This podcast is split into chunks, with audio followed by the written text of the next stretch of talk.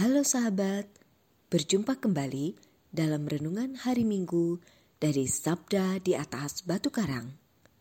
Renungan lengkap tertulis dapat dibaca atau diunduh dari Warta Paroki Maria Bunda Segala Bangsa, Kota Wisata, www.mabuseba.org. Hari ini, Minggu 25 Desember, merupakan Hari Raya Natal. Renungan kita hari ini terinspirasi dari bacaan kitab suci. Misa Hari Raya Natal Fajar. Bacaan pertama dari kitab Yesaya bab 62 ayat 11 sampai dengan 12. Bacaan kedua dari surat Rasul Paulus kepada Titus bab 3 ayat 4 sampai dengan 7 Bacaan Injil dari Injil Lukas bab 2 ayat 15 sampai dengan 20. Misa siang. Bacaan pertama dari kitab Yesaya bab 52 ayat 7 sampai dengan 10. Bacaan kedua dari surat kepada orang Ibrani bab 1 ayat 1 sampai dengan 6. Bacaan Injil Suci dari Injil Yohanes bab 1 ayat 1 sampai dengan 18.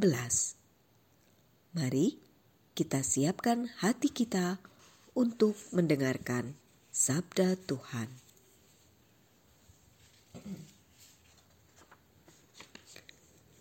Setelah malaikat-malaikat itu meninggalkan mereka dan kembali ke surga, gembala-gembala itu berkata satu sama lain, "Marilah sekarang kita pergi ke Bethlehem untuk melihat apa yang terjadi di sana, seperti yang diberitahukan Tuhan kepada kita."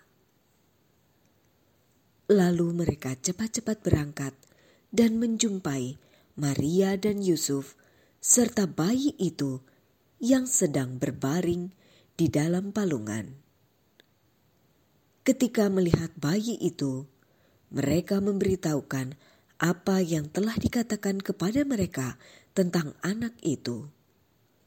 Semua orang yang mendengarnya heran tentang apa yang dikatakan gembala-gembala itu kepada mereka. Tetapi Maria menyimpan segala perkataan itu di dalam hati dan merenungkannya.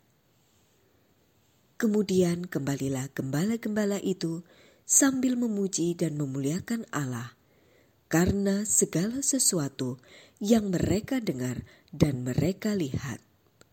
Semuanya sesuai dengan apa yang telah dikatakan kepada mereka. Demikianlah sabda Tuhan. Terpujilah Kristus. Saudara-saudari yang terkasih, bacaan-bacaan kitab suci hari ini menggambarkan nubuat kelahiran Yesus dan harapan dunia atas kelahirannya. Seperti dalam bacaan pertama yang mewartakan nubuat Nabi Yesaya akan kebenaran tentang kedatangan Mesias.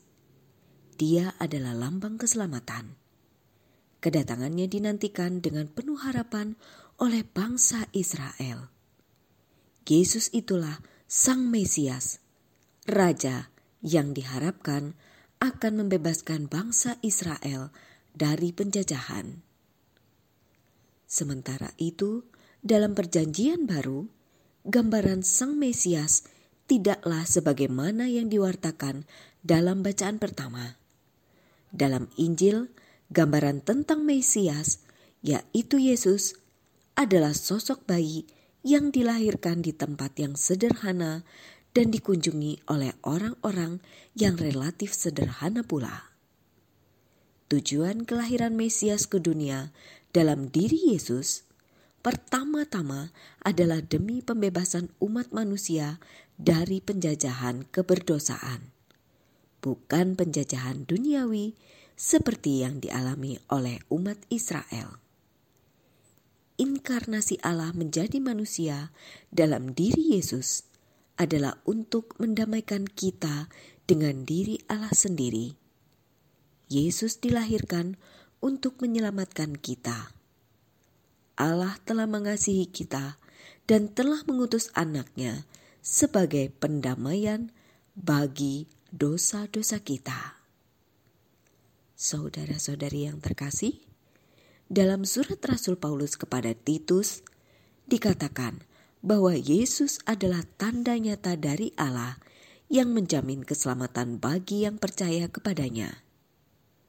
Melalui Yesus, Allah menawarkan keselamatan bagi kita dari kematian kekal. Karenanya, melalui kelahiran Yesus, Allah berkehendak supaya semua orang percaya dan mengikutinya kepada keselamatan kekal dan hidup dalam terang. Saudara-saudari yang terkasih, gambaran umat bangsa Israel di masa lalu juga adalah gambaran hidup kita dalam masa kini. Sabda Tuhan hari ini mengajak kita menyambut kabar baik keselamatan yang datang dari Allah dalam diri Yesus sang terang. Mari kita syukuri bahwa kita mendapat sang terang yang senantiasa menuntun kita keluar dari kegelapan dosa. Bersama sang terang, hidup kita dibimbing dan diarahkan ke jalan yang benar. Semoga lewat kelahiran Yesus Sang Terang, kita mau membuka palungan hati kita untuk Yesus agar Yesus tinggal dalam hati kita, membaharui diri kita, dan membawa kita kepada keselamatan kekal. Yesus lahir untuk keselamatan kita. Selamat Hari Raya Natal, dan semoga Tuhan memberkati kita. Amin.